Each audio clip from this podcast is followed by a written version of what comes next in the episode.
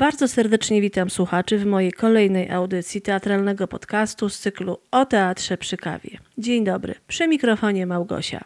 Zapraszam do wysłuchania dzisiejszego odcinka, w którym będę mówiła o swoistej formie sztuki teatralnej, opartej w głównej mierze na wyobraźni, czyli teatr radiowy. W odcinku dziesiątym, do wysłuchania którego zachęcam, już ten temat poruszałam, z tym, że tam odniosłam się do historii tej osobliwej formy, a dziś zwracam uwagę na dwa kultowe słuchowiska i o nich chciałam troszkę przypomnieć. Nadawane od wielu, wielu lat i słuchane przez wszystkie niemalże pokolenia z ciekawością. Posłuchajcie. W Jezioranach, jak i Matysiakowie to słuchowiska cykliczne nadawane w polskim radiu w Jezioranach od 1960 roku przez program pierwszy. Na przestrzeni tych lat głosu swoim postaciom użyczyli najpopularniejsi polscy aktorzy radiowi, teatralni i filmowi, między innymi Zygmunt Kęstowicz, Kazimierz Opaliński, Teresa Lipowska czy Franciszek Pieczka. Do 2009 roku przed mikrofonem wystąpiło blisko 200 aktorów.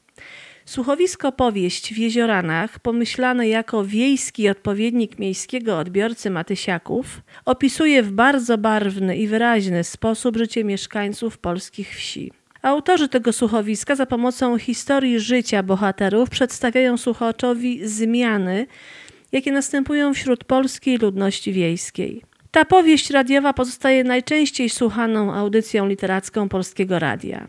W 2019 roku, 7 kwietnia, był wyemitowany 3000 odcinek powieści.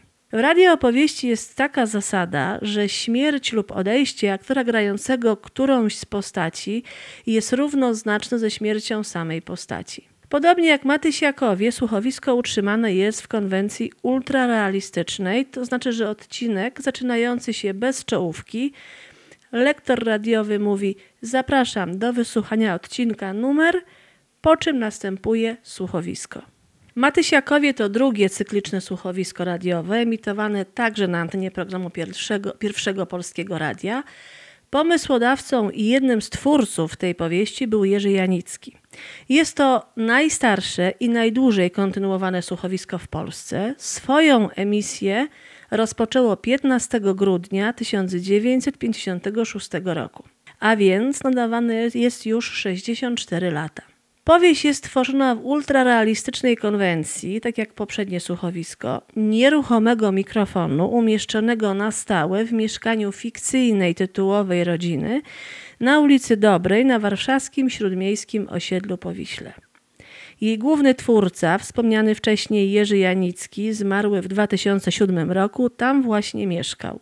Swoistą domeną tego słuchowiska jest to, że aktorzy grający stałe role zabierają je ze sobą odchodząc i są dużo rzadziej kontynuowane przez aktorów o podobnym temprze głosu. Obie te powieści na przełomie ponad półwiecza w dalszym ciągu cieszą się ogromną popularnością i są bardzo wysoko cenione przez słuchaczy. Zasada, która obowiązuje w radiopowieści, to co już wcześniej wspomniałam, że śmierć lub odejście którejś z postaci jest równoznaczne ze śmiercią samej postaci, powoduje, że słuchacz wczuwający się w treść przynosi sytuacje fikcyjne do życia w realu, co jednocześnie stwarza autentyczność odtwarzanych sytuacji i to chyba najbardziej fascynuje słuchaczy. Ta fikcyjna z pozoru, a jednocześnie bardzo prawdziwa rzeczywistość powieści radiowej słuchowiska powoduje, iż słuchacze chętnie sięgają do tej formy teatralnej, gdzie nie, nie jest im z góry narzucone co i jak ma wyglądać. Jedynie wyobraźnia jest tutaj kluczem do tworzenia obrazów, tego co słyszymy.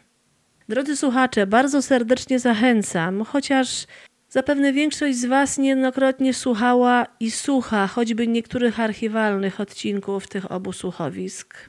Każdy ma pewnie z Was swoje ulubione, które woli bardziej. Ja słuchałam wielokrotnie i jednego, i drugiego. I zawsze, kiedy czas na to mi pozwala, nawet jeśli nie, nie bieżące, to archiwalne, na stronach Polskiego Radia w internecie bez problemu można te odcinki tych słuchowisk odnaleźć. Bardzo serdecznie Was zachęcam. Posłuchajcie nawet tych dalszych, wcześniejszych głosów aktorów, których już dzisiaj nie ma, bo każdy odcinek niby stanowi dalszą część następnego, ale też stanowi odrębną całość i myślę, że nawet wyrwany z kontekstu zachęci Was do słuchania kolejnych i kolejnych. I tak na koniec jeszcze jako ciekawostka chciałam Wam powiedzieć, że w Warszawie na Powiślu jest skwer radiowy rodziny Matysiaków. Bardzo serdecznie dziękuję za poświęcony czas, za wysłuchanie tego odcinka. Zapraszam Was, żebyście się cofnęli również do mojego odcinka dziesiątego, gdzie tam, jak już wspomniałam, mówiłam troszkę o historii tej formy sztuki, jaką są słuchowiska, jaką jest teatr radiowy. I bardzo będzie mi miło, jeżeli podzielicie się swoimi spostrzeżeniami, wspomnieniami na moim facebookowym profilu na temat tych dwóch słuchowisk. A dzisiaj żegnam Was serdecznie, do usłyszenia i wkrótce zapraszam na kolejną audycję.